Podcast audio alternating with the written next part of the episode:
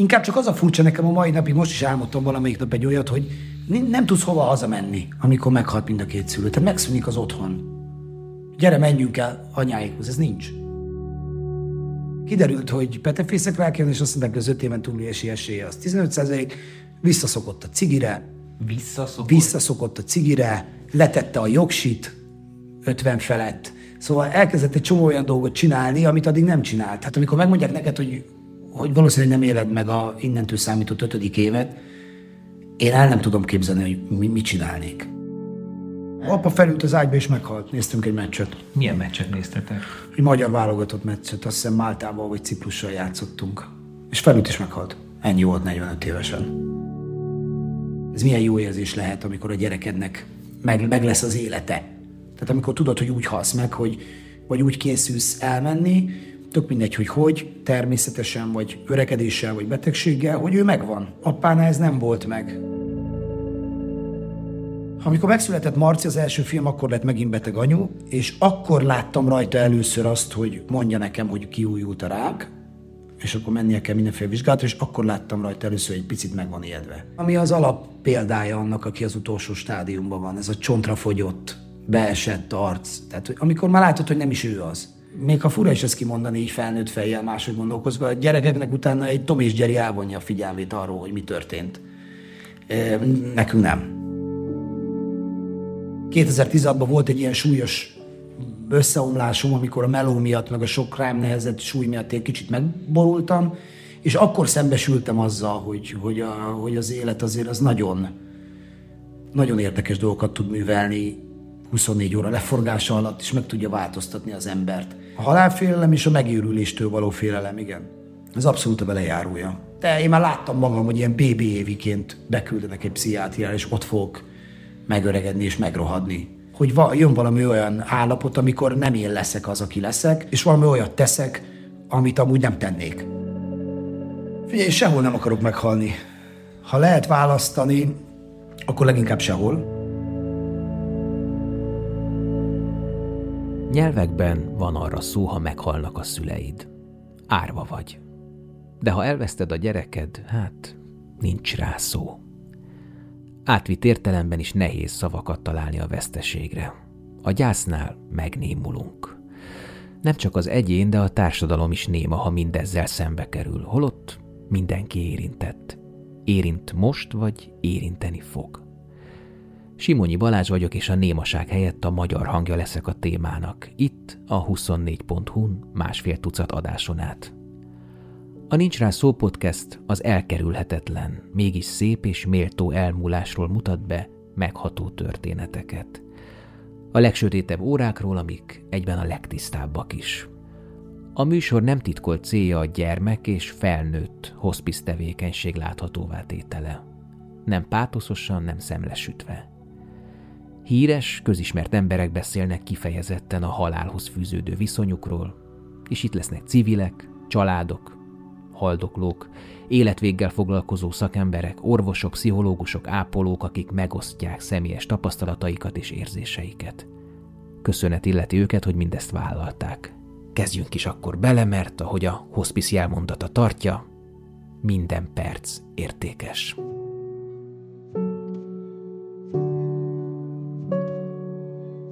Majoros Péter, azaz Majka, több mint húsz éve a valóságsó kezdetén tűnt fel. Bár nem nyerte meg a való világot, de a repzenész karrierje elindult, nem sokkal később már műsorvezetőként is debütált. Azóta számos vetélkedő házigazdája, zsűrie. Az egyik legnézettebb hazai tévés, leghallgatottabb előadó és legmegosztóbb híresség. 2022-ben a Forbes magazin a legértékesebb magyar celebek rangsorának első helyére tette. De mindenről nem lesz szó. Amiről szó lesz, arra többnyire nincsenek szavaink, de most mégis megpróbálunk róla beszélni. Beszélünk a halállal való első találkozásról, arról, hogy bár eddig 73 millióan látták a Belehalok című dalát, de ő egymagában egyáltalán nem akarna meghalni. Beszélünk a halandóság tudatának motiváló erejéről, a ráérősség helyett a pörgésről, arról, hogy mindig történjen valami. Arról, hogy az életünk véges, és a valódi súlyt az adja meg, hogy mivel töltjük el azt, milyen nyomot akarunk hagyni. Egy kezdetben végtelennek tűnő időbe, aztán egy egyre szűkülőbe kell belefoglalnunk mindent, amit meg akarunk tenni. Beszélünk arról, hogy mit csinálna Majka az utolsó napján, és hogy a kezdeti rettegése hogyan fordult át belenyugvássá, megbékélésé, amikor a Covid osztályon rosszabbodott az állapota. Janus Pannonius írja a búcsúversnek, végrendeletnek is beillő 1464-es, mikor a táborban megbetegedett című versében, hogy Édesanyám, kegyesen bánt véled a sors, neked is jobb, hogy temetésem előtt elragadott a halál, mit tennél, ha tusámat végig kellene nézned, vagy ha a gyászos hír hirtelen érne utol. Igen, mi is beszélünk az élet rendjéről, a szülőket el kell veszteni. A végső elszakadásról, anyától, apától, ami Majka esetében egyrészt nagyon lassú folyamat volt, másrészt a pillanatműve. Arról, hogy miként hajt csírát a lélek a gyász után, hogy miként ismeri fel magát az ember egy mintázatban. Beszélünk túlhajszoltságról, kontrollvesztésről, pánikbetegségről, halálfélelemről, és hogy mint Münchhausen báró, hogyan tudja magát kihúzni a saját hajánál fogva mindebből, és hogyan ébred rá később, hogy segítséget kell kérni, hogy a családi mintázat ne folytatódjon. A nincs rá szóban Majka.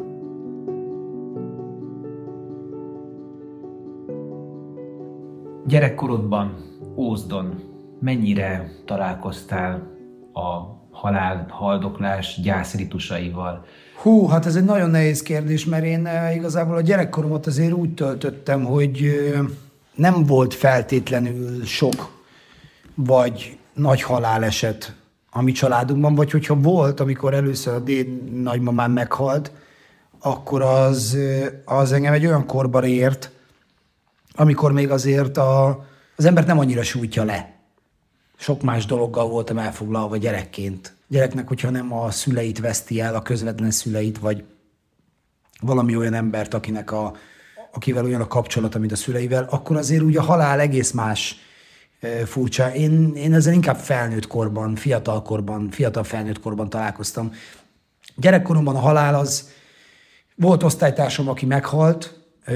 Hát is kérlek szépen középiskolás, beteg volt, és, és aztán nem is járt sokat a mi osztályunkba, ez az egyik. A másik az, hogy a mi osztályunk, azok a műszerészek és villanyszerelők voltak összevonva, és ő műszerész volt, tehát igazából két hetente találkoztam vele az elméleti oktatáson, hogyha ha, ha, föl se tűnt gyakorlatilag egyszer csak, hogy már nincs ott? És nem is volt az osztálynak az a fajta nagy karizmatikus jelensége ő, aki, aki annyira belopta volna magát az én hétköznapjaimba, hogy utána... De fura volt azért, a minden esetre gyerekként találkozni az, hogy egy gyerek ilyen fiatalon meghal, az nyilván fura volt, meg azért én egy, én egy, én egy szenzitív csávó voltam egész életemben. Persze utóbbi tíz évben, mióta gyerekeim születnek azóta, vagy születtek azóta, még hiperszenzitívé váltam, de hogy, hogy azért én ezekre a dolgokra mindig érzékeny voltam. Ez nem úgy viselt meg engem, mint ahogy nem tudom, a későbbiekben a halál, amivel találkoztam, vagy akár amivel most találkozok olyan emberekkel kapcsolatban, akikhez egyébként nincs közöm. Csak egyszerűen meghalnak, és én fogom a fejem, hogy, hogy ez hogy lehet. Ilyen időskorban mindig megpróbálom megkeresni az okát úgy, hogy nem is ismerem a tényeket, szóval azért ebbe belemerülök ilyenkor, mert Sajnos, ahogy öregedik az ember, úgy találkozik nyilván egyre többet az élettapasztalat miatt azzal, hogy, hogy mennek el szülők, nagyszülők, ismerősök, barátok, minden más, és ugye ez az hogy jobb nem lesz, csak rosszabb sajnos. Én búcsú koncerteken, zenész búcsú koncerteken szokott lenni, nem emlékkoncerteken, hogy mindig a jók mennek el, pont, pont, pont szoktak igen, lenni. Igen. Hogy egyetértesz ezzel? Nem.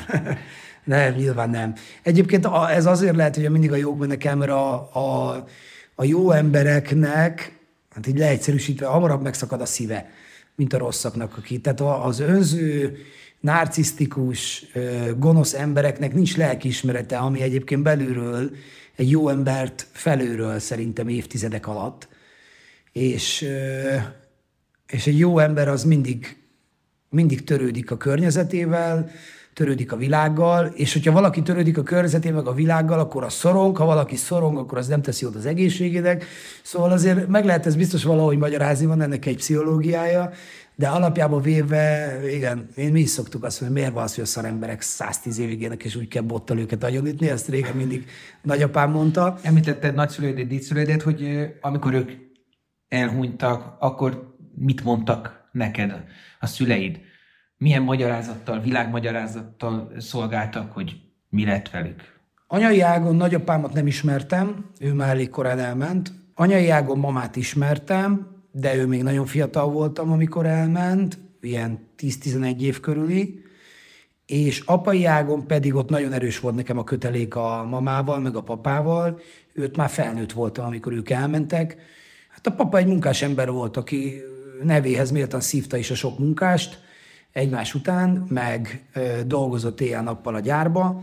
Hát egy nagyon jó ember volt, én nagyon szerettem, egy nagyon jó kapcsolatom volt vele, nagyon vicces volt, igazi papa volt, ő szívinfarktusba halt meg, a második szívinfarktusa elvitte, akkor én már majkaként üzemeltem, és pont egy kaposvári diszkóba léptem fel este, amikor, amikor jött a, a telefon, hogy szegény papa elment.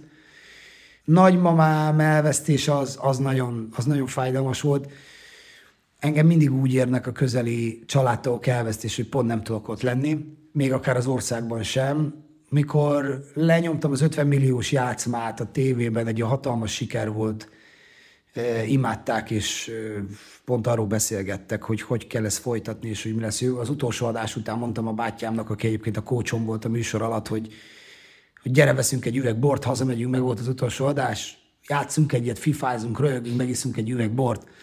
Igen, igen, igen, igen. A család egyébként pont nem volt otthon, emlékszem, és bementünk a bevásárló központba, és akkor jött a hír, hogy mama, aki egyébként nekem, nekem az igazi mama, tehát a második anyám, persze ez hülye hangzik, mert nyilván nagymamája valakinek a második anyja, de, de hogy ő nekem egy nagyon fontos szereplője volt az életemnek, infartus kapott, akkor már ugye papa meghalt 6-8 éve, és aztán egy hét múlva én indultam Amerikába egy hónapra és nem tudtam, hogy mit csináljak. És aztán mama négy nap után felébredt ebbe az infarktusba az intenzíven, bementünk hozzá, ott feküdt, ne beszél, nem tudott agitált, de láttam, hogy, hogy tudja, hogy ott vagyunk, meg, meg mozgatta a fejét, amikor kérdeztük, válaszolt így igennel, nemmel. És én kérdeztem is tőle, hogy mi legyen, ma elmenjek Amerikába, tehát, hogy mit, mi, és mondta, hogy mutatta, mutatta, hogy menjek, menjek, menjek, menjek nehogy emiatt maradjak itthon, mivel az egész család erre várt, hogy végre együtt legyünk, egy hónapra kimegyünk, és nekünk ez egy ilyen, ilyen összetartó családi foglalkozás. Egyesítő. Így van, így van, hogy kimegyünk, és ott, ott tudod, nincs, nincs semmi, ott nem tudsz dolgozni meg ilyenek. Ott együtt kell legyél a családdal, és az egy, az egy ilyen nagyon jó kis challenge időnként. És, Covid alatt volt ebben némi részhatást. Igen, igen, igen, igen, igen. Abból is jól jöttünk ki, mi hál' Istennek. Ott rájöttünk, hogy az ilyenek örülünk, mert szeretjük egymást, és nincs baj azzal, hogy együtt vagyunk. Szóval, és akkor kimentem Amerikába, és három napra meg is halt mama. Mit csináljak? Hazajöjjek, három napja vagyok kint, de mondtak, ne jöjj, ne gyere haza, tehát semmi értelme. Megvárunk a temetéssel, maradj a családdal. Gyakorlatilag semmi értelme, ha hazajössz. Tehát az, hogy itthon szomorkodjunk együtt, annak semmi értelme és ez már akkor volt, amikor anya nagyon beteg volt, anya 20 évig volt nagyon beteg, ő 2018-ban halt meg. Először petefészek rákot diagnosztizáltak az orvosok, ami ugye egy elég agresszív rákfajta, és a túlélési esélye az 15% volt 5 éven belüli, vagy 5 éven túlélési esélye. Megtudtuk, és rá egy fél évre, vagy egy évre, amikor elkezdte kapni a, már a kemót, meg mit, már, már bőven benne volt a betegségben, akkor apa meghalt infarktusba. 45 évesen, tehát ilyen nagyon fiatalon. Ők nem voltak együtt, elváltak, szóval ott, ott álltunk, hogy Atya Isten, ez, ez, ez nem lehet, a fater elment nagyon korán, és aztán anya 20 évig küzdött ezzel, és abból kijött anyu, meg is gyógyult, és 10 év után kiújult neki, 10 éven keresztül még kapott azt hiszem 19 sorozat kemót kapott, tehát hogy a 20 év alatt, tehát hogy valami eszméletlen. Valami... De akkor is az 5 éves túlélés az, az meg, meg volt. És meg is gyógyult belőle, igen. És aztán elfura volt, mert ő elkezdett így egész máshogy élni, mint addig. Tehát öt év, mikor kiderült, hogy petefészek rákjön, és azt mondták, hogy az öt éven túlélési esélye az 15 százalék, visszaszokott a cigire, visszaszokott. visszaszokott a cigire, letette a jogsit 50 felett, Szóval elkezdett egy csomó olyan dolgot csinálni, amit addig nem csinált. Hát gondolom ez egy ilyen reakció az ember nek, hogy, hogy vajon mit, mi lesz még, ki tudja, mit kell csinálni, és aztán úgy, úgy egy kicsit azt mondta, hogy most akkor ő ezt így, így máshogy él. És, és össze is jött neki, tehát azért, azért az egy nagyon, nagyon jó dolog volt, hogy ő meggyógyult ebből. És aztán 2018-ban meg, 2018-ban akkor már nagyon rossz állapotban volt, akkor elment szegényként, és akkor én pont Törökországban nyaraltam a családdal. Tehát, hogy... Ez váratlanul ért? Nem. És ennek ellenére elmentél nyaralni? Nem, ez úgy volt, hogy 2017 augusztusában még minden oké okay volt, kapta a kemót, de úgy, úgy azért rend, tehát rendben volt, tudott jönni, menni, feljönni hozzám Pestre, nyilván voltak a kemónak rossz mellékhatásai, én is hazamentem, és aztán 2017 decemberében mentem haza Ózra karácsonyra, és akkor nem láttam már három hete, vagy négy hete, csak így telefonon keresztül, ugye mert itt voltam fent Pesten dolgoztam, és aztán hazamentem karácsonyra, és az alatt a négy hét alatt akkor nagyon sokat romlott az állapota. Tehát akkor, akkor abban az állapotban volt, majd bementem a szobába, és láttam, hogy az, amikor már az a, amit a, ami, ami az alap példája annak, aki az utolsó stádiumban van, ez a csontra fogyott, beesett arc. Tehát amikor már látod, hogy nem is ő az valójában. És akkor úgy tudatosult bennem 2017 karácsonyá, hogy ez, ez nagyon, ez nagyon közeli ez a dolog. És aztán júniusig, júniusig húzta anyu ezzel az állapotba.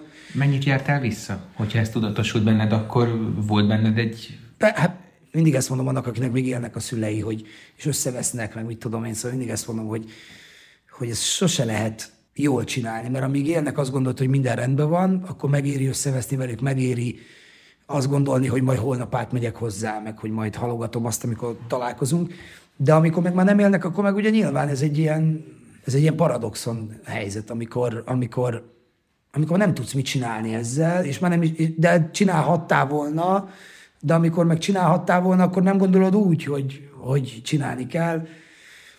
Nyilván igen, tehát hogy én mondtam anyának akkor, amikor elkezdtem a második kemót, hogy én veszek neki egy lakást ott a környékünkön, jöjjön fel, és akkor egy picit az unokái mindig update őt. Hogyha... Már úgy mondod, hogy jöjjön fel Uzdiként? Igen, igen, hogy jöjjön fel, igen, hogy jöjjön fel ide Budapestre lakni, és aztán az unokáival egy picit javít az állapotán, de nem akart jönni, tehát semmiképp nem akart jönni. Nem, nem akart a terhetekre lenni? Nem tudom, hogy miért nem. Egyszerűen lehet, hogy csak azért, mert ő ott volt otthon. Tudod, tehát azért az otthont váltani, az, az, az nem kis feladat szerintem, főleg ha beteg vagy is. Eddig mindig ott voltál beteg, vagy ott gyógyultál meg, vagy ott, tehát hogy azért nyilván ennek van valami ilyen oldala is.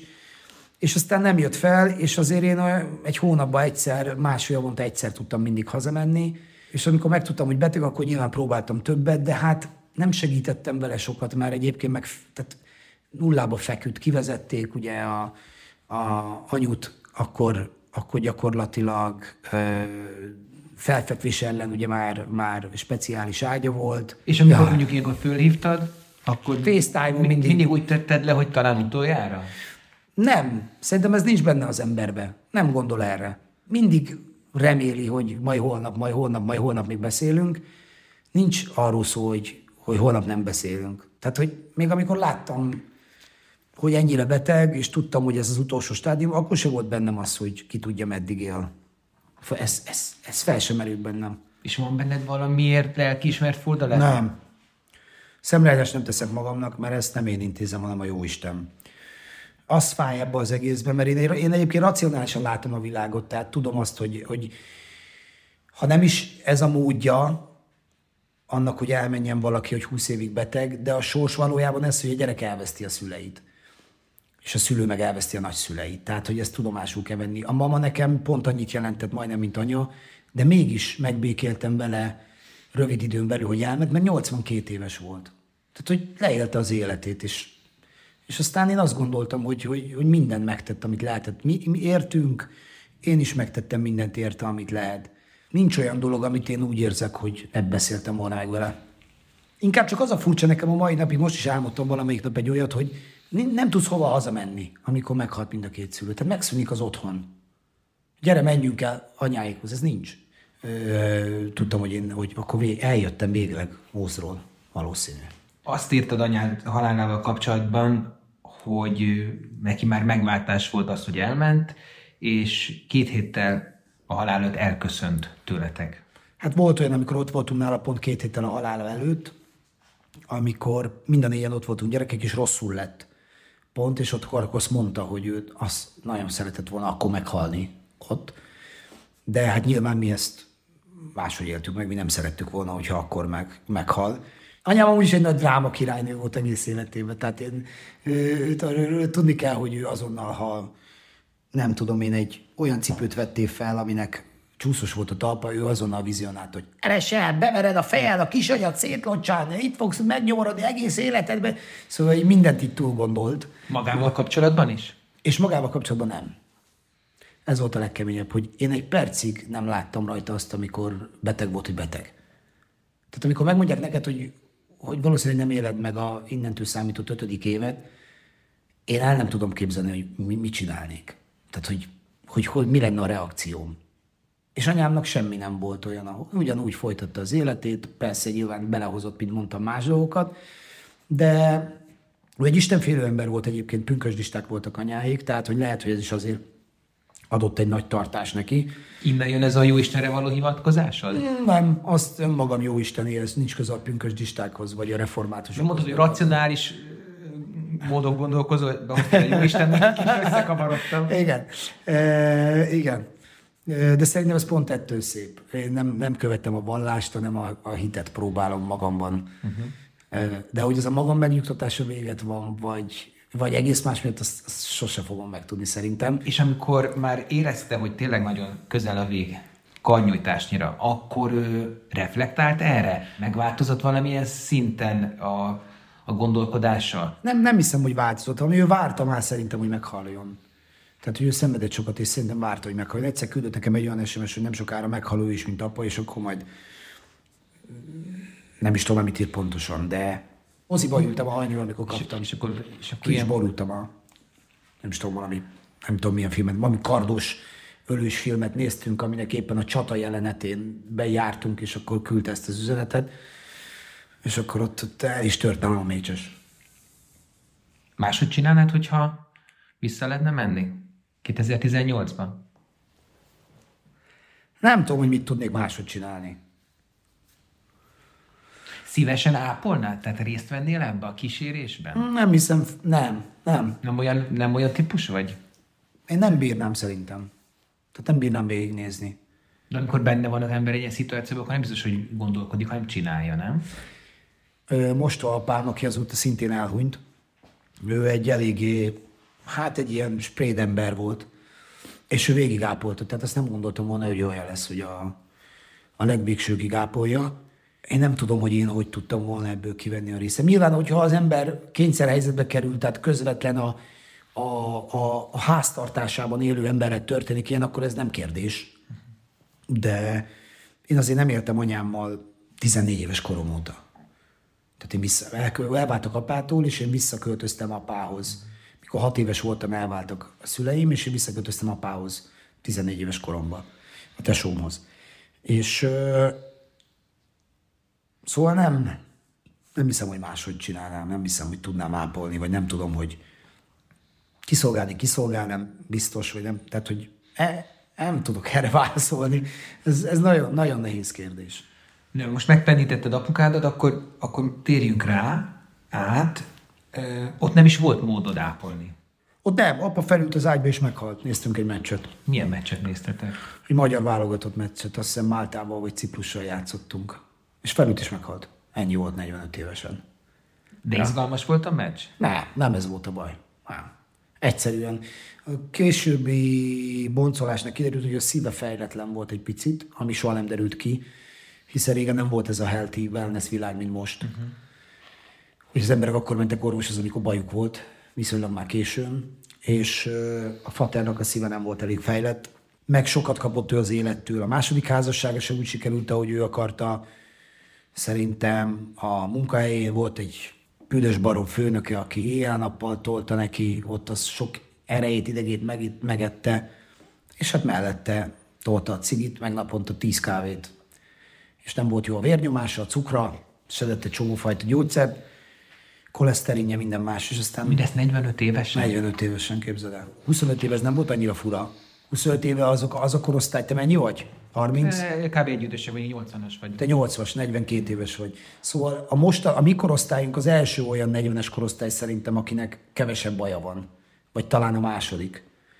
Mert ö, nem tudom, a ZYX generációkat sose jegyeztem meg, hogy melyikek vagyunk mi, meg hogy melyik a gyerek, meg mik voltak a szüleink. De Hogy hogy, haratkó gyerekek. Igen, tehát hogy az a, az a generáció azért szerintem ott annyi minden volt, ami miatt ők, ők egészségileg meg voltak fogva, hogy az örökletességek, a cigaretta, kaják, minden más dolog, szerintem az életmód, a sok munka, nagyon korán házasodás, nagyon korán gyerekek a legtöbb embernél, aminek a háromnegyedet, több mint a fele, az biztos, ez statisztikailag kimutatta, nem sikerül, és akkor a felének, a már maradék felének még szerintem több, mint a fele az, ami meg nem vállás, de nem sikerül, és ott rohadsz meg egy párkapcsolatba, ami egyfolytában eszi a szervezeted, amiből ugye nyilván jöhet a stressz miatt a vérnyomás, a cukorbetegség, a rák, a minden más, ami ilyenkor ami előfordulhat. Szóval szerintem ennek biztos van egy ilyen, egy ilyen ö, okozata, de a faternál, a faternál ott igen, ott azért az elég betette a kaput ez a kombó, a stressz, meg a belé elfogyasztott rengeteg kávé, cigi. Nem ivott, nullát ivott, tehát hogy ő teljesen valamikor 81-ben volt ez, amikor utoljára ivott egy, egy bulin, és akkor mondták, hogy valami, valami nem stimmelt nála.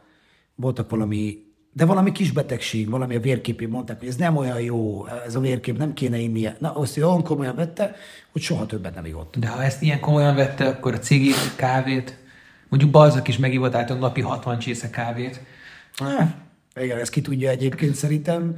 Eh, Lehet, hogy ez csak, de hát ki tudja, hát a Churchill meg végig szívorozta az egész No életét. sport. Igen, no sport felkiáltása. Tehát szerintem ez a alkat. Meg túlét, meg túlét egy világháborút, és egy másikat még konkrétan le is vezetett majdnem, vagy tehát, hogy Az, hogy ott vagy apád mellett, egyszer csak szívrohamot kap. Azt nem mondom, hogy a karjaidban hal meg, de, de De majdnem, hogy igen. Szó szerint majdnem, hogy igen. Szintén 21 éves voltam, és én ak- akkor nekem ez egy ilyen felfoghatatlan volt. Egy fél év múlva lett ebből nekem problémám, egy fél év múlva borultam ki igazából. Kezdődtek nekem is ilyen szív problémáim, akkor még egy kicsit rá is beszéltem magam, hogy a faternak fejletlen volt a szíve. nagypapád, nagymamád is infarktust kapott. Igen, de ők még akkor éltek. Tehát, hogy ez még bőven azelőtt volt. Amúgy, ja, igen, most visszafelé következtettem, de itt ha lenne egy mintázat. Hát abszolút, abszolút. És akkor utána meg elkezdesz azért nyilván, én amúgy is egy olyan csávó vagyok, akinek hetente három agyvérzése van, meg négy szívinfarktusa, tehát ezt be tudom szépen halucinálni magamnak. Produkálok is rengeteg tünetet hozzá, ha úgy van. De... Egy pánikbetegség? Na, nem, nem, nem, azért annyira nem. Csak hogy tudod, azért még nem a csonkabandi féle hipohondria, de azért valami egy kicsit azért van, hogy túl gondolok bizonyos dolgokat. Kombinálok. És aztán nekem az, egy fél év múlva lettek ilyen mindenféle dolgaim, de aztán azóta meg is műtöttek kétszer a szívemmel, szóval volt alapja, de nem egy komoly szívbetegségem volt, hanem egyszerűen csak egy szívritmus zavar, extra beütések, és azt uh-huh. Itt fent Pesten meg lent Pécset égették, fagyasztották, és azóta egyébként teljesen jól működik. Meg azóta odafigyeltek, kontrollra járok. Azt hittem, hogy úgy fogod folytatni, hogy fél év múlva lett belőle abból probléma, hogy ezt földolgozd, ezt az esetet. Hmm. Konkrétan szerintem ez volt a... Tehát szerintem így jött ki. De aki átél egy ilyet, hogy a saját apja meghal a karjaiban, az nem erősödik meg ettől? Nem lesz neki ez egy megrázó, de ugyanakkor egy, egy, egy nagyon szép élmény. Hát talán szép lett volna, hogyha 78 éves. Így 45 évesen nem. Tehát ez egy 45 évesen nem hiszem, hogy, hogy ennek tudom mondani, mert ö, azért nagyon sok minden volt előtte. Meg zenész volt egyébként, tehát zenélt amellett egyébként közgazdasági szakmában dolgozott, mellette hobbi zenész volt, de abból is jól keresett, tehát hogy abszolút gitározott. Te is tudsz gitározni? Én megtanultam, a Covid alatt arra volt jó, hogy igen, hogy ilyen online elkezdtem, és végre. Sweet Child Online? Igen, annál egy kicsit bonyolultabb, hál' Istennek, de igen, tehát, hogy ő egy ilyen, ilyen csávó volt, és, és azért szerintem én örültem volna neki, hogy ő látja, hogy én, hogy én mit érek el például abban a szakmában, amiben ő, ami neki a szerelme volt, a zene. Tehát én nagyon szerettem volna, ő ezt, ezt így Hát de biztos látja most is, csak hát egy egész más perspektívából. Hogyha, és ne is félre, ez nagyon bornít kérdés, de hogyha mégis választani kellene, elmesélt az anyukádnak a sok éves daganatos tortúráját. Itt volt apukádnak ez a pillanatok alatt bekövetkező halála. Tudom, mit akarsz kérdezni, igen. Nincs, nincs erre jó válasz. Amikor ö, még élt anya, és a szomszédomban lakott egy srác, akivel nagyon jóba voltam, neki az anyukája 25 éven keresztül volt rákos és horta, és 22 éven keresztül szarú volt. Tehát nem volt neki olyan gyógyulás, mint nekem anyának, hogy volt egy boldog 6-8 éve, amikor úgy kiverekedte magát ebből a dologból. Ő 22 éven keresztül rosszul volt, akkor ő azt mondta, hogy ő nagyon, ő nagyon simán azt választaná, hogy apa, hogy felül az ágyba és meghal valaki. Nem tudom, hogy melyik nekünk melyik a jobb. Én a, fater, a faterral rengeteg dolgot nem tudtam megbeszélni, vagy nem, nem nincs olyan, nem tudtam megbeszélni jobban, nem, nagyon sok dolog kimaradt, ami anyával megvolt, amellett, hogy, hogy ő húsz évig szenvedett ezzel az egésszel. Élmények? Hát persze, az unokától elkezdve az, hogy látta, jött a koncertre, látta, hogy mennyi ember van, megélte a sikereimet. Szóval ez egy szülőnek nagyon fontos. Hát most tudom, én is szülő vagyok, hogy ez, ez milyen jó érzés lehet, amikor a gyerekednek meg, meg lesz az élete. Tehát amikor tudod, hogy úgy halsz meg, hogy vagy úgy készülsz elmenni, tök mindegy, hogy hogy, természetesen, vagy öregedéssel, vagy betegséggel, hogy ő megvan. Tehát nekem nem kell emiatt izgulnom. És ö, apánál ez nem volt meg. Tehát, hogy apánál apa fölét meghalt, és aztán fura volt, mert ott az egész életem megváltozott, mert volt egy feleség, akivel tíz évig élt együtt, és ott tíz évig az ő pótanyám volt, tehát ez életem mindennapos része, sőt, nagyon jó kapcsolatban voltunk, és azóta így szombaton meghalt, és azóta találkoztam vele talán négyszer életemben. Mert ő nem keres, vagy te nem keres? Nem, neki is lett egy másik élete. Ő is kiborult, elköltözött, visszament, elment. Ott maradtam egyedül egy lakásba, egy panel lakásba, ami ahol eddig laktunk hárman, négyen, addig ott maradtam egyedül. A bátyám a, a akkori barátnőjéhez költözött, pont már előtte, mielőtt apa meghalt. És meg ott maradtam egyedül egy lakásba, és ö, nagyon fura volt. És utána jelentkeztem a való világba az RTR-re rá egy évre. De, De mi, mi köze a kettőnek egymáshoz? Az, hogy én elmentem volna Kanadába, pont aznap beszélgettem apával arról, hogy nekem volt egy gyerekkori szerelmem, aki kinnél Kanadába, és ő kihívott magához. Mondta, hogy minek, mit csinálsz otthon, mit akarsz még seftelni, üzleteltem mindennel, amivel el lehet képzelni, amiből volt egy pár forint, lopott pólóktól elkezdve kamucsúccokig, minden, mindenben próbáltam megfogni a pénzt, de hát nem éltem túl jól, sőt, egy csomó tartozást vettem a nyakamba. És aztán, aztán mondta nekem, hogy megveszi a repégyet, meg menjek ki hozzá, és akkor legyek ott kint. És meg is vette a repégyet, és mentem volna, á, ö, hogy is volt? Igen, április 16-án mentem volna, azt hiszem, Kanadába, és március 24-én a fater meghalt. Pont aznap beszélgettem vele még reggel arról, hogy, hogy akkor mi lesz, meg hogy lesz. Mondta, hogy menni akarsz tényleg, hanem mi a bocsánat, a fater ilyen volt. Tehát, hogy mit fogsz ott kint csinálni, mi, mi, mi lesz? És úgy mondtam, hogy hát nem tudom, hát más, mint itt nyilván, de hát nem akarok itt megrohadni Ózdon, mert egyszerűen nincs lehetőség semmire. Jó, és akkor beszélgettünk erről még egy picit, de aztán tudomásul vette. És aztán este meghalt, és itthon maradtam. Ugye nyilván nem mentem ki, mert öröklési tárgyalások, így kell ezt mondani? Ha, hagyatéki. Hagyatéki tárgyalások voltak, meg minden más ilyen velejáró, kellemetlen dolog, és uh, itthon maradtam, és amikor itthon maradtam, akkor viszont összejöttem egy lányjal itthon, akivel meg szerelem alakult ki köztünk, és, uh, és aztán beragadtam itt egy évre, egy év után meg pont jelentkeztem ebbe a műsorba, és aztán bekerültem, és onnantól kezdve mindenki tudja a sztorimat.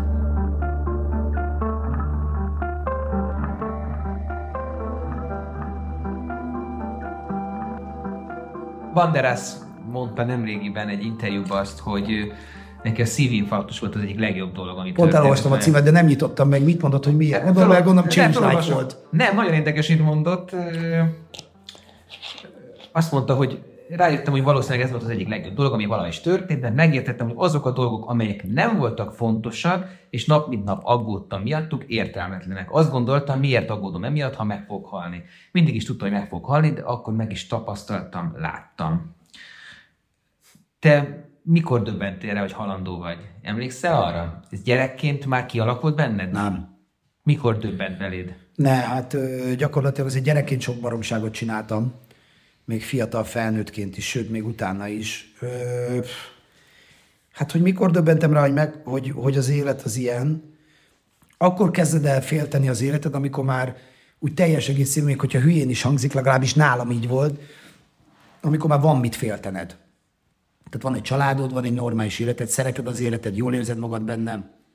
Pont láttam egy ö, ö, interjút valami berúgott munkással csinálták valahol egy ilyen internetes TikTokos videó, és mondja, hogy nem érdekli, hogy mi lesz. Meg fog halni, meg fog halni. És ezt láttam rajta, hogy pont az a keserűség van benne, hogy annyira, annyira semmilyen az élete, annyira unalmas, miatt neki- igen, hogy neki, neki, én, én meg jól élek, jól érzem magam. De mondjuk tíz éve van gyereked. Igen, igen. Azelőtt, azelőtt akkor ez nem volt benned?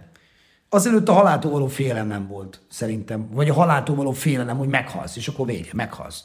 De és De ez hogy- minek hatására alakult ki? Azt szerintem egy természetes emberi reakció, bár lehet, hogy nyilván a, a, a, az, hogy elvesztettem közeli hozzátartozókat, apád, papát, tehát nyilván ez közrejátszik, de De milyen érdekes, hogy, hogy mégis ha, talán a legsikeresebb számot, számotok, a benne halok, az, mint hogyha erre rímelne, ugyanakkor meg van benne ez a bekaphatjátok típusú, hogy nyaljátok ki a segget. Tehát, tehát egyszer olyan ez a dal, nekem hogy a, szövege alapján, hogy amit mondasz, hogy, hogy egyszer csak belédőben valakivel, hogy, hogy halandó, de ugyanakkor meg az meg, ha belehalok, hát belehalok, nem? Igen, bár szerintem egy picit az emberek túl ideologizálják a dalokat. Tehát nem vagyok benne biztos, hogy, hogy a, a művészek, amikor megírják a dalokat, akkor pont arra gondolnak, mint amire a dal szól. Bár a belehalok, eh, a belehalok az pont egy olyan dal nekem, ami, ami amellett, hogy az egyik, egyik legnagyobb slágerünk, az, az a későbbi életemben lett fontos, és úgy írtam meg annak a dalnak a szövegét, hogy nem tudtam, hogy az rímelni fog a későbbi De életemben. az előző, vagy a korábbiakra is rímel. Tehát azt mondja, hogy apám régen elment, ha kell száz fokon égek. De ezek tények voltak. Hát az, de vele De például a, a tényeken kívül ö, ugye van egy olyan ö, rész a dalban, hogy az én központú rendszerről beszélek, uh-huh. ami, amiről nem is gondoltam soha, hogy mekkora problémát fog nekem a későbbiekben okozni. Ugye nekem volt, 2016-ban volt egy ilyen súlyos összeomlásom, amikor a meló miatt, meg a sok rám nehezett súly miatt egy kicsit megborultam, és akkor szembesültem azzal, hogy, hogy, a, hogy az élet azért az nagyon, nagyon érdekes dolgokat tud művelni 24 óra leforgása alatt, és meg tudja változtatni az embert. És Ez miben jelentkezett ez, ez a... te, hát ez, ez, te, hát ez ideg összeomlás szerintem, tehát azért ennek ez az orvosi diagnózisa. Tehetetlen, vagy... vagy, vagy Hát azt, azt érzed, hogy igen, tehát azt érzed, hogy azt érzed, hogy meg fogsz őrülni, rosszul vagy. Tehát szorongsz, rosszul vagy, egy olyan fajta érzés költözik rád, egy olyan pánik, egy olyan szorongás, egy olyan ö, depresszív tünetekkel társuló rossz állapot, amit erről, ami eddig nem is tudtál, hogy létezik. Nem tudsz aludni, nem tudsz, nem érdekes semmi. Forrása? Hát ez, ez a túlhajszolt életmód. Ez meg az, hogy, hogy mindig azt gondoltam, hogy nekem van a végsőkig igazam. De akkor ez olyan, ilyen, ilyen Möbius szalag, hogy, hogy önmagába tér vissza. Tehát hol szakítod meg ezt a szalagot? Hát egyik a másikat indukálja. Ez ilyen, ahogy a Banderas is mondja, ilyen change life kell ehhez. Tehát, hogy így nem tudsz mit csinálni. Hát, és megnézed, megnézed azokat a sarokpontokat, amik, amik okozhatják ennek a dolognak a, az origóját, vagy amiben nagy részt, részt vehetnek ezek a dolgok, és akkor azon próbálsz változtatni. Más nem tudsz csinálni. Elkezdesz máshogy élni ahhoz, hogy, hogy, hogy jobban legyél.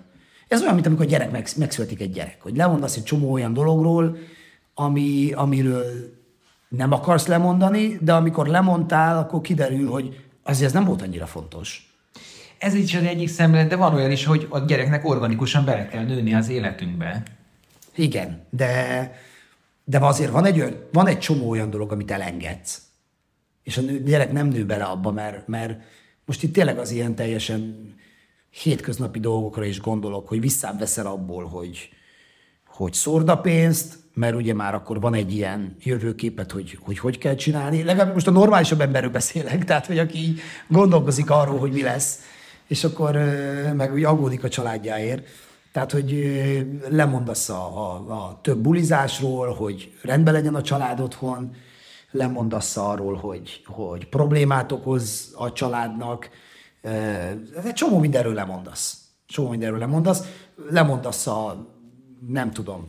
Én, nekem akkor volt egyébként például, most ez egy nagyon banális példa, de például, hogy, hogy észrevettem, hogy akkor letettem a játékgépet teljesen. Már mondta, bocsánat, az Xboxot, meg ezeket, hogy sokat Xboxoztam, ott ültem a gép előtt, kikapcsolt engem este, amikor hazamentem, meló után, fort az agyam, toltam még a valahol, nem tudom, Karachiban, Dél-Pakisztánban bujkáltam a Call of Duty sisakban, és izé, snipereztem még egy két és fél óra, három óra hosszát, és ez tudom, egy héten volt háromszor, amikor csináltam valamit.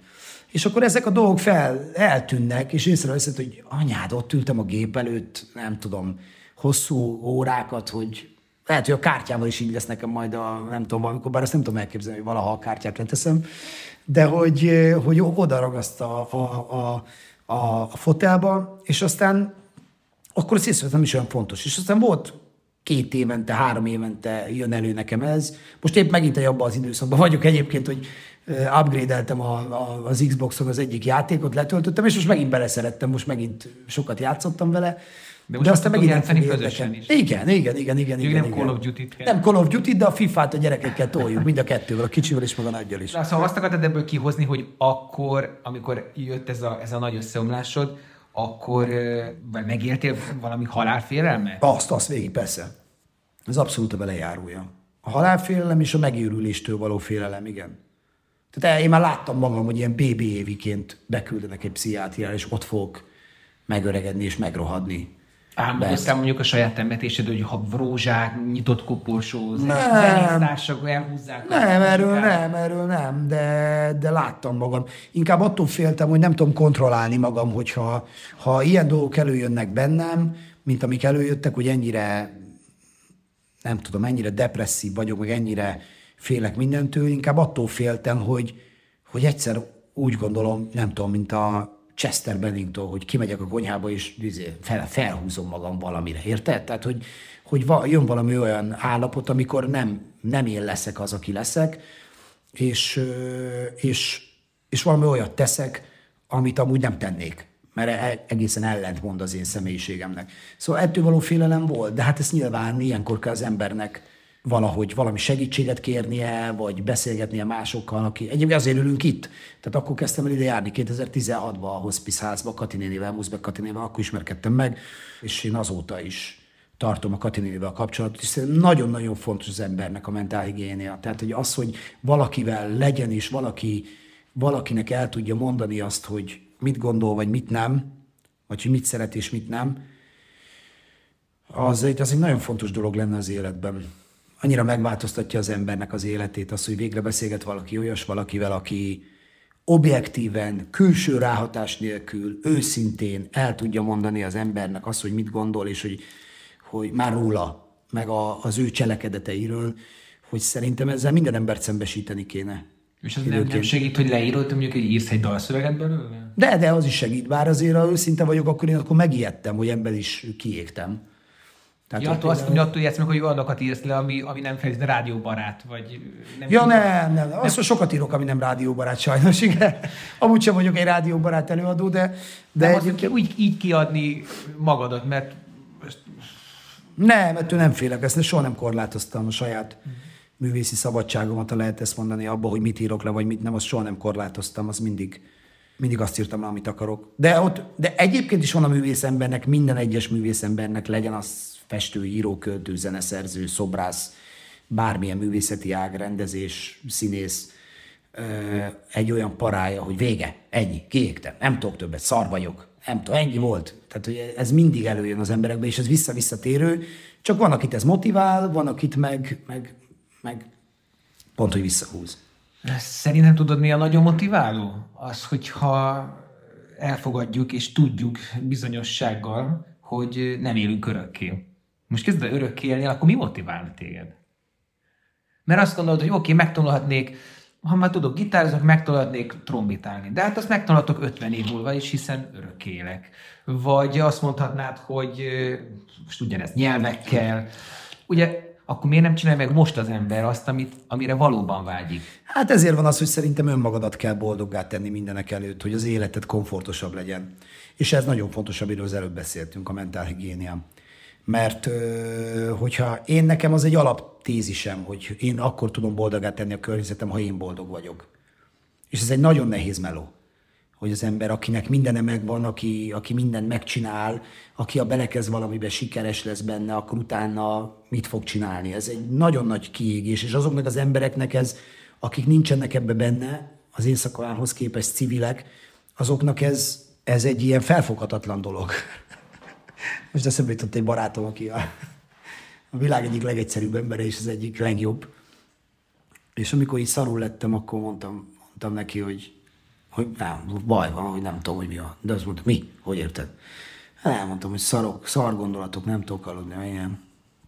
És akkor mondta, hogy nem, nem értem. Hát mondom, hogy nem érted? Hát mondom, képzeld el, hogy ez van, elmondtam, és akkor részletesen, és akkor mondta, hogy hát figyelj már, a gyerekek egészségesek, nem? Mondom, de. A pénzed van. Mondom, van. A feláll, nem? Mondom, fel. Azt, akkor nem értem. És egyébként, ha belegondolsz, ez egy nagyon egyszerű, ugyanakkor nagyon progresszív gondolkodás, mert hogyha így kéne gondolkodnunk, akkor valójában tényleg mindenünk megvan. Tehát mi kell még azon kívül az embernek, hogy ez rendben legyen? Egészség, boldogság, és minden más. Hát mondjuk az, amit mondjuk a művészként arra hivatkoztál, hogy, hogy ugye mondjuk az abstrahálási képesség, tehát az, hogy elvon dolgokba és tudja gondolkodni, azt le tud írni, meg tud zenésíteni, egy, egy médiumba csomagolni, és mondjuk ez hiányzik, akkor lehet, hogy nem teljes az életed, mert téglát így is tudsz pakolni. Igen, de igen, csak ennek van egy másik oldala. Ez a nyughatatlanság. Tehát, hogy azért a téglapakolás és a folyton zsörtölődés, hogy mi van még, között van azért egy egészséges állapot szerintem, és az a valójában egészséges állapot.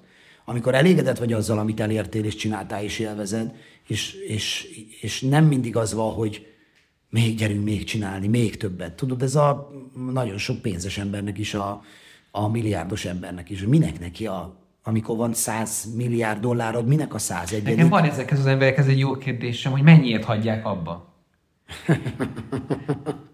hát akkor meghalnak, ha abba hagyják. De hát... Ez olyan típusok. Ez, ez tényleg így van, de ez tényleg... Oda menjünk még vissza, hogy mondtad, hogy jártál itt a hospice a, a Katihoz, ez pszichológiai beszélgetés, vagy pszichoterápia, ezt nem tudom pontosan, de akkor például nem jutott eszedbe 2016 7 környékén, hogy mondjuk anyukádat hospice házba hmm. küldjed, vagy javasold neki? Anya hospice kezelés kapott otthon. Otthoni hospice kezelés? Otthoni, persze, persze. Ő a helyi hospice-nak volt, a, a helyi hospice-ból jártak ki hozzá ápolónő. Tehát ő akkor elfogadta azt, hogy ne, nem stádiumos, és... Hát ott nem volt kérdés nem volt kérdés, hogy ő elfogadja, vagy nem. Tehát, hát, mivel 20 éven át küzdött, majdnem De, a, de az utolsó pár év az neki szar volt, tehát fekvés meg. Meg amikor tényleg betegség volt. Tehát azt mondom, pont ilyen 2017 6-17, 6-7-től már az volt, hogy... hogy Ez nem reménykedett? Amikor megszületett Marci, az első film, akkor lett megint beteg anyu, és akkor láttam rajta először azt, hogy mondja nekem, hogy kiújult a rák, és akkor mennie kell mindenféle vizsgálatra, és akkor láttam rajta először, hogy egy picit meg van ijedve. Tehát az elsőnél nem láttam rajta. És aztán, meg hát ugye nyilván rengeteg mérget kapott, hát azért a kemó az alapjában véve méreg, tehát hogy és azért, hogyha az jó hatással van akár a, a rossz betegségre, az rossz hatással lehet azokra, amik eddig jól működtek a szervezetbe. Ugye ez alapjában véve így van, és Persze nem tudom, nem akarom ezt megfejteni, hogy ez miért volt. Egyszerűen a vége szarul sikerült neki, ugyanúgy, ahogy minden ilyen betegeknél, csak ő tovább húzta. Tehát van, aki elvisz fél év alatt, ez három hónap alatt, egy év alatt, anya megküzdött vele évekig. Hogyha valaki már hospice vesz igénybe, akkor ugye ő lemond arról, amit a kórházak mondjuk nevezzük úgy, hogy javítás, megjavítás. De együtt volt neki, ez ilyen kombinált volt. Tehát bejárt Debrecenbe például a kórházba, kemoterápiára, meg mindenféle más műtétre, ami hogy kellett neki, hogy csinálni valamit, és emellett volt egy ilyen hospice szolgálat nála. Tehát például ugye ki volt vezetve, meg ugye felfeféses volt, neki ott a tisztántartását, az otthoni kezelését, azt nem tudom, hogy mennyi alkalommal, egy héten három-négy alkalommal, még plusz egy hospices kihelyezett ápolónő végezte. Tehát ő, De ez kurva, mert elvég a hospice csak akkor avatkozik már be, amikor már valaki azt mondja, hogy ő nem vesz igénybe aktív kórházi kezelést. Nem, utána ő még, még akkor, igen, mert volt, mert az, az történt anyával, hogy szerintem elkezdte a hospice elkezdett a hospice vele foglalkozni, de utána jött be, egy nagyon csúnyán kimondva, Magyarországon ez a halál kemó elnevezésű szer, ami az egyik ilyen legdurvább végső stádiumosoknak adják, amikor már nincs más megoldás, egy ilyen nagyon erős kemoterápiás kezelés. De miért adják a végstádiumosnak? Azért, mert hogy még az utolsó esély, tehát még lehet kéne, hogy még az valamit lehet, lehet kitolni. Figyelj, az a hogy nem tudok erről pontosan mit mondani, hogy mi, a, mi az összetevője, és hogy, hogy ez hogy volt, de hogy anya még azt megpróbálta, és aztán utána meg aztán, ahogy mondtam is, hogy az, az, az azért attól eléggé lerobbant, az volt neki a, a vége. De hát, ha meg nem kapja meg, lehet, hogy hamarabb meghal. Tehát, hogy nem lehet ezt tudni.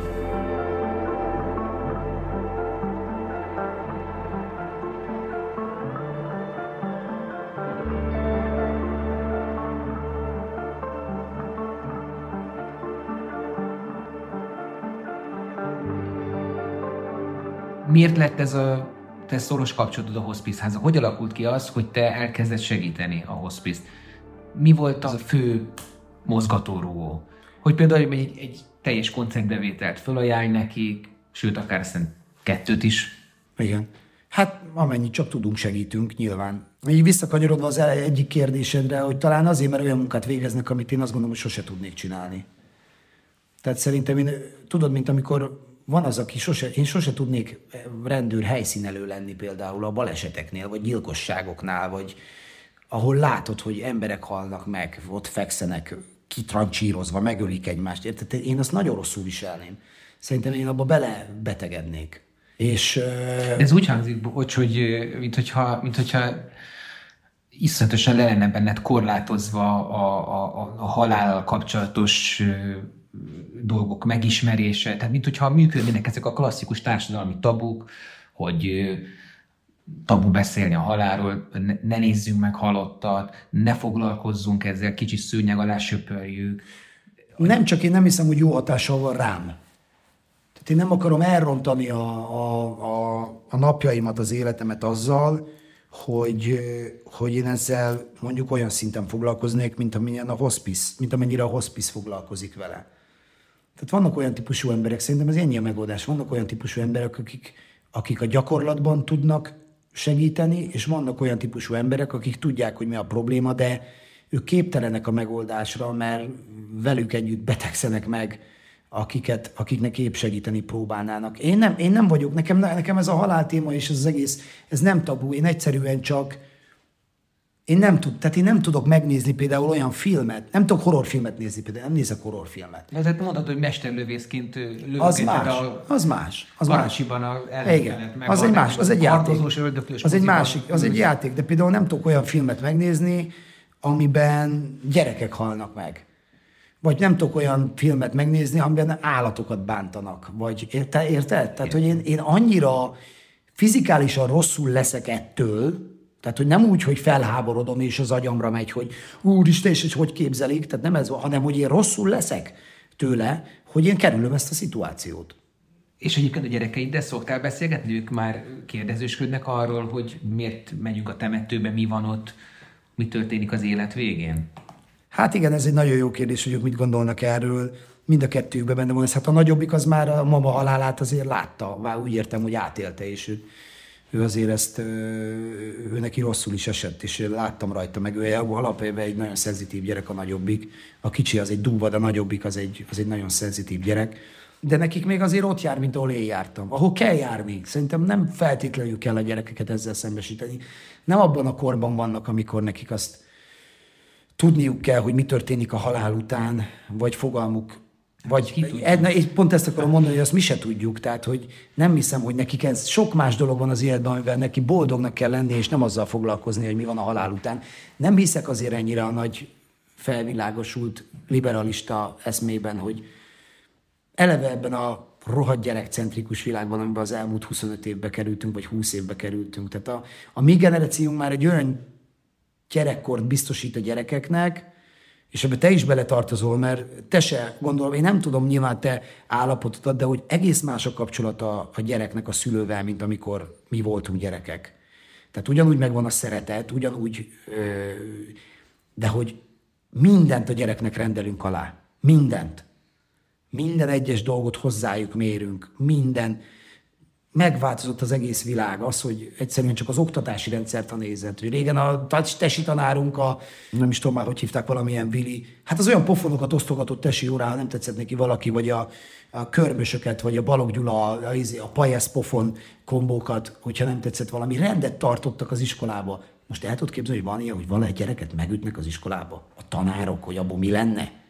Hát ez egy, ez egy, nem azt mondom, hogy az volt a jó, tehát félre ne érts, csak azt mondom, hogy átálltunk egy olyan rendszerre, amikor már, már mindent a gyereknek rendelünk alá, az, hogy tanítassuk. A pont a mi generációnk lett az, és az utánunk levő szerintem, ahol már mindenkinek diplomája van. Tehát mindenki főiskolájára, mindenki nyelveket beszél, és mindenkinek diplomája van, és ülnek otthon és nézik egymást. És idegen nyelven beszélgetnek, és a villanyszerű megjön, és azt mondja nekem valamelyik nap, hogy egy hetes munkáig 2 millió 800 ezer forintot kér el. Mert eltűntek a, eltűntek a szakmunkások, eltűntek, mindenkinek diplomája van. Mindenki a marketingbe dolgozik, meg a szélszosztályon, mindenki a, a, a PR-t viszi. Tehát, hogy... De most nagyon messzire kanyarodtál, ezt mit akartál erről mondani, mert mint hogyha Nekem hát, hogy a gyerekeknek nem ezzel kell foglalkozniuk szerintem, hogy nem, nem, nem vagyok benne biztos, hogy, hogy a gyerekeknek ezt, erről kell beszélgetniük. De hát akkor hogy, hogy, hogy kapnának választ kérdéseikre ezzel kapcsolatban?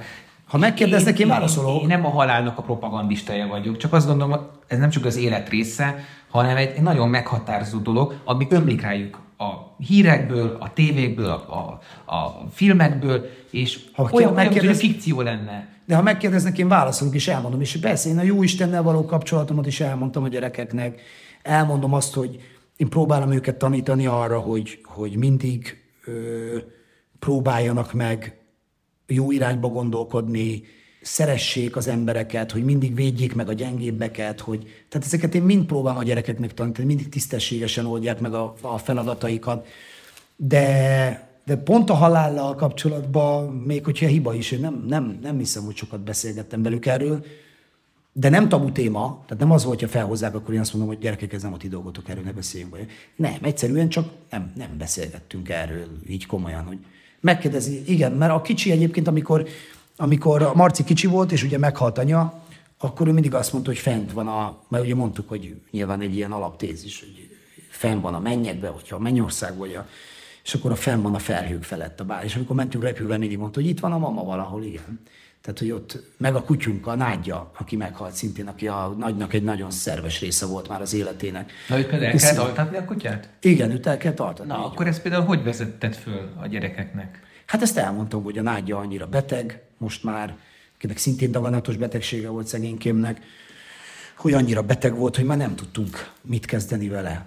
Ez például az egész családot azt annyira megviselte, hogy ez tehát akkor volt egy ilyen közvetlen élményük a gyerekeknek az Igen, de a gyerekek hamarabb to- tovább teszik magukat ezen. Tehát a, még ha fura is ezt kimondani így felnőtt fejjel, máshogy gondolkozva, a gyerekeknek utána egy Tom és Jerry elvonja a figyelmét arról, hogy mi történt. Nekünk nem.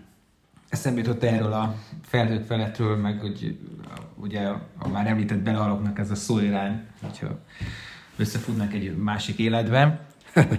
Egy... Azt nem tudom, van-e? De bízom benne, hogy van. Azt nem tudom elképzelni, hogy nincs semmi. Meghatunk, és nem történik semmi. Akkor már mindegy. Viszont ez ijesztő is azért. Mi az, hogy nem történik semmi? Nincs olyan, hogy nem történik semmi. Valami mindig történik. Úgy szoktuk meg az egész életünk. Hát lehet, hogy nem megsemmisülünk, hanem meg mindenülünk. Kibővítve azt a fél órával korábban feltett kérdést, hogy ugye, ha ez kíván lenne, és e, borzasztó módon választani kéne, a, a, ugye, hogy szívinfarktus, mint apukád, vagy egy, vagy egy, egy lassú, hosszú szenvedés, de mégiscsak azért egy további élés időben, mint anyukád. Ezt kiegészíteném azzal, amire mindig kíváncsi voltam, és most tessék itt egy, egy popstar, akitől meg lehet ezt kérdezni, hogy álmodoznak-e a popstárok a, a, arról, amiről a 30 Y is énekelt, hogy színpadon halni meg? Figyelj, sehol nem akarok meghalni. Ha lehet választani, akkor leginkább sehol. De mivel ezt tudom, hogy gyakorlatilag lehetetlen, ezért ö, én egy kényelmes elalvósat választanék. Ami úgy van, hogy az utolsó lefekvésemig ugyanazt az életet tudom élni komfortosan, ahogy eddig éltem, mindenféle betegség nélkül, és aztán elaludni, és nem kelni fel. És mit csinál az utolsó napodon? Biztos felhívnék mindenkit, aki fontos, elköszönnék, vagy próbálnám esetleg azokat a dolgokat megbeszélni, amiket addig nem lehetett, ami nagyon abszolút, hiszen ezt meg lehet csinálni akkor is, hogyha nem az utolsó napod van. Szerintem senki nem tud, vagy pánikolnék, és nem tudom. Volt már egyszer egy olyan halálközeli élményem a Covid-dal, amikor kórházban voltam majdnem három hetet. Ott volt egy két napom, amikor egyre romlott a tüdőgyulladásom, és hiába kaptam a kezelést, meg a gyógyszereket, ott terjedt a tüdőgyulladás egy hét elteltével is, azt mutatta ki a CT, és ott volt egy, egy, egy, egy szar, egy-két, három napom, amikor úgy az első, első pillanatban nagyon kiborultam, hogy mi lesz akkor, meg akkor az egésznek tudod az, ami körülvette a Covidot, ez a tényleg sokan haltak meg ismerőseim közül is, meg ismerősem szüleinél is. Akkor ott, és ott volt egyébként utána egy átfordulásom. Tehát, hogy ott volt egy, egyfajta stressz, amikor elkezdtem retteltesen pánikolni az, hogy nem tudok hazamenni többet innen. Tehát nem látom a gyerekeket, nem tudok velük beszélni, be se engedik őket valójában, meg covidos vagyok, meg szóval egyáltalán. És az valahogy átfordult egy ilyen nyugalmas dologba, ami, ami lehet egy ilyen kicsit megbékélés, és lehet, hogy működik más betegségeknél is, akár a ráknál, akár egy olyannál, amikor tudod, hogy vége, hogy nem tudsz mit csinálni. És az, az ad egy ilyen, oké, okay, ez van, érzést. Nyugalmat? Igen, valahogy megnyugszol. Nyugalmat nem, mert azért nem megy ki belőled azt szerintem, hogy, hogy, hogy ez, ez vége, de, de mindenféleképpen leveszi annak az élét, hogy te veszettegér módjára próbálj tenni ellene, és hogy, hogy beleőrülj abba, hogy akkor ennek vége. Ez a pánikbetegségnek a másik, a skálának a másik pontja? Nem tudom, de ilyen azért nekem nincs amúgy. Tehát ez akkor volt, amúgy nincs, hogy én belenyugszom. Hogy... De egyébként pont nem, ez nem mondok igazat. Van abban valami, amit mondasz. Tehát a pánikbetegségnek szerintem is annak a fajta állapotnak, amit, amit én átéltem, az egyik sarokköve és az egyik gyógyulás felé vezető útjának a, a nulladik kilométer köve, mikor rájössz, hogy ez van. Tehát ezzel nem tudsz tenni, ezzel együtt kell élni, csak meg kell oldani bizonyos szituációkban ezt a helyzetet. Uh-huh. És észre se veszed, és jobb lesz. De ez azért, ez, ez, ez nagyon nehéz feladat. Főleg mikor szarul vagy, akkor aztán ezt magadra rábeszélni, hogy ez most van, és majd holnap jobb lesz, vagy 10 perc múlva, vagy két perc múlva, akkor az, az nagyon nehéz. De ilyen esetben például, amikor covidos vagy, és bekerülsz a kórházba, akkor hogy döntöd el, hogy te onnan még haza akarsz menni? Hát akkor napról napra gondolsz arra, hogy javulsz, de kb. napról napra, óráról óra romlak az állapotod, és utána feltesznek egy lélegeztetőgépre, amiről esetleg soha nem jössz le. És akkor már nem te döntöttél. Hát azért van írva, hogy ott, hogy megmentsenek. Szóval, ha ilyen betegség van, hogy otthon vagy kórházban szeretnénk meghalni, akkor szerintem a hülye választja azt, hogy a kórházban szeretne meghalni. Nyilván ott szeretne meghalni, ahol a, ahol a legbiztonságosabban érzi magát. A, most a Fatei ágon volt egy családtag, aki 66 éves korában kórházba került, és behívtak mindenkit, hogy köszönjenek el, mert ez pár nap. És mondta, hogy ő nem akar itt maradni, ha ez pár nap. Ő nyugdíjazott, nem tudom, valami volt, és mondta, hogy ő 15 éve minden nap lesétál oda a utca aljában lévő kocsmába, ott van délután, hazamegy, és beszélget a többiekkel, és hazamegy, és neki ebből áll az élete 15 éve, ezt szeretné akkor csinálni, és mondták, hogy vigyék akkor haza. És akkor lekísérték a kocsmába, 66 éves volt, lekísérték a kocsmába, aznap ott volt, ivott az emberekkel, szarú volt, és aztán másnap felkelt, elvégezte ott a napi dolgait, lement a kocsmába, ivott a többiekkel, nem tudtak mit csinálni vele, aztán még 30 évig. 96 éves korában hunyt el. Tehát, hogy honnan tudod azt, hogy, honnan tudod azt, hogy ez meddig tart? szóval, érted? Tehát ez azért, azért más egy olyan betegségnél, amikor azért a, azért a rák az egy kifejezetten olyan betegség, ami ez a legaljasabb, legmocskosabb dolog, amilyen nem tudsz mit csinálni. Itt azért van az a pont, amikor azt mondják, hogy nincs tovább. próbálsz Hát, mindenféle az, az orvos nyílt ö, kommunikációt folytat, mert sokszor ugye még mindig a régi reflexek működnek, hogy a betegnek nem mondani el, Annak is van egy pozitív oldala, mert azért sok ember egy csomószor abba hal bele, hogy meg tudja, hogy bele fog halni. És lehet, hogy pont annyi időt nyer vele, hogyha nem tudja, ami alatt lehet, hogy akár a gyógyulás is fennáll. A saját környezetében mindenki a csodában reménykedik. Na jó, de te mit szeretnél? Egy, egy egyenes közlést, vagy egy indirekt közlést, vagy a sugalmazást, olvassál a sorok között, nyújtom még az utolsó szalmaszálat, nem mondom, hogy ez lenne, azt sem mondom, hogy biztatlak. Nekem azért szerintem nem tesz rosszat, hogyha biztatnak. Szerintem én azért egy picit, picit Motiváltabb vagyok. Igen, igen. Valahogy így, igen. igen. Nyilván ahhoz, hogy egy művész örökké ilyen, ahhoz valami eléggé tragikus halál, ami a, leg, a legnagyobb nyomot hagyja az emberekben. Tehát a megöregedett, meghalt, időskorban természetes halállal meghalt művészekre emlékezünk, akik nagyot alkottak, de valójában azokat azokat helyezzük óriási piedesztára, akikről nem tudjuk, hogy még mit tudtak volna csinálni. Lehet bárki, a Janis Joplin-tól el, vagy Jim Morrison, még 27-esek a Tupac, igen, a 27-esek klubjába akár, vagy a, hát ezer példát tudnék még mondani, Máté Pétertől elkezdve bárki. Tehát, hogy ezek nagy művészek voltak, de azért, azért vannak olyan nagy művészek, mint ők. Mégis a haláluk azért az sokkal halhatatlanabbá tette őket.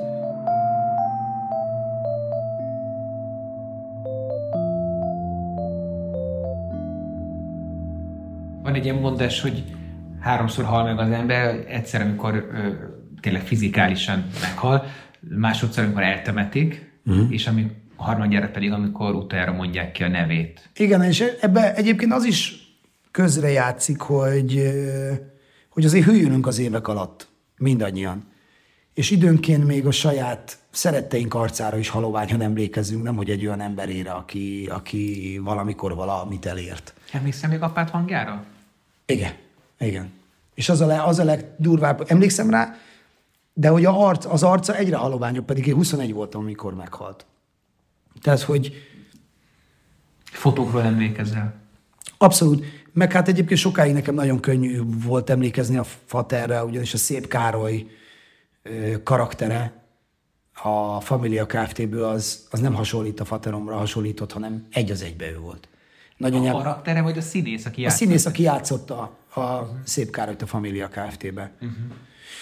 A lényeg az, hogy na- nagymamám ő minden nap sírva nézte az ismétlést, amikor volt. A, elkezdték ismételni egy időbe, és a már nem élt. Ő minden nap végig Mint bőgte. egy avatár, úgy olyan- Konkrétan. Tehát konkrétan ő a faterom volt. Egy az egyben. Nagyon, nagyon durva volt. Azon sokat gondolkoztam már, hogyha mondjuk azt mondanák nekem, hogy off, egy éven belül, vagy két éven belül, hogy mit csinálnék, hogy, hogy akkor hogy rendezném le a hátralévő életem. Azért a mai technika, meg a mai kor azért nagyon sok lehetőséget nyújt arra, hogy mondjuk még azoknak az embereknek, akit szeretek, hosszú távon biztosítsak valami olyan komfortot az életükbe, ami, amit, amit eddig tudtam biztosítani. Mert van már ilyen program egyébként, hogy fölveszi bizonyos számú mondatodat, és így algoritmus onnantól kezdve... Beszélgetsz Nem, vele? tudsz, tudsz beszélgetni. Tehát, mint, mint a Siri-vel a, Mhm, a iPhone-on, hogyha itt a gyereked majd 20 év múlva meg akar kezdeni, hogy hú, nem tudom, mit csinálni, hova utazzak, ide vagy oda, akkor a te hangodon, a te, hát amennyit betápláltál, gondolatvilágoddal válaszolsz neki. Ez kicsit, szerintem ez beteges is tud lenni. Igen, igen, ez nagyon. Ez nagyon. Én azért elrendezném az életem úgy, hogy hangfelvételek, minden más, hogy legyen az elkövetkezendő 5-6-8 évben, amíg, amíg, amíg túl vannak az, hogy én meghaltam, és beáll a rendes életünk a saját kerékvágásba. Erről hallott egyébként, amit a hospice is csinál, hogy életvégi tervezés? Nem? Kétfajta dolog van. Van a, a haldokló hozhat élő végrendeletet. Ez azt jelenti, hogy mit csináljanak vele, mit ne csinálják bele adott esetben. Igen.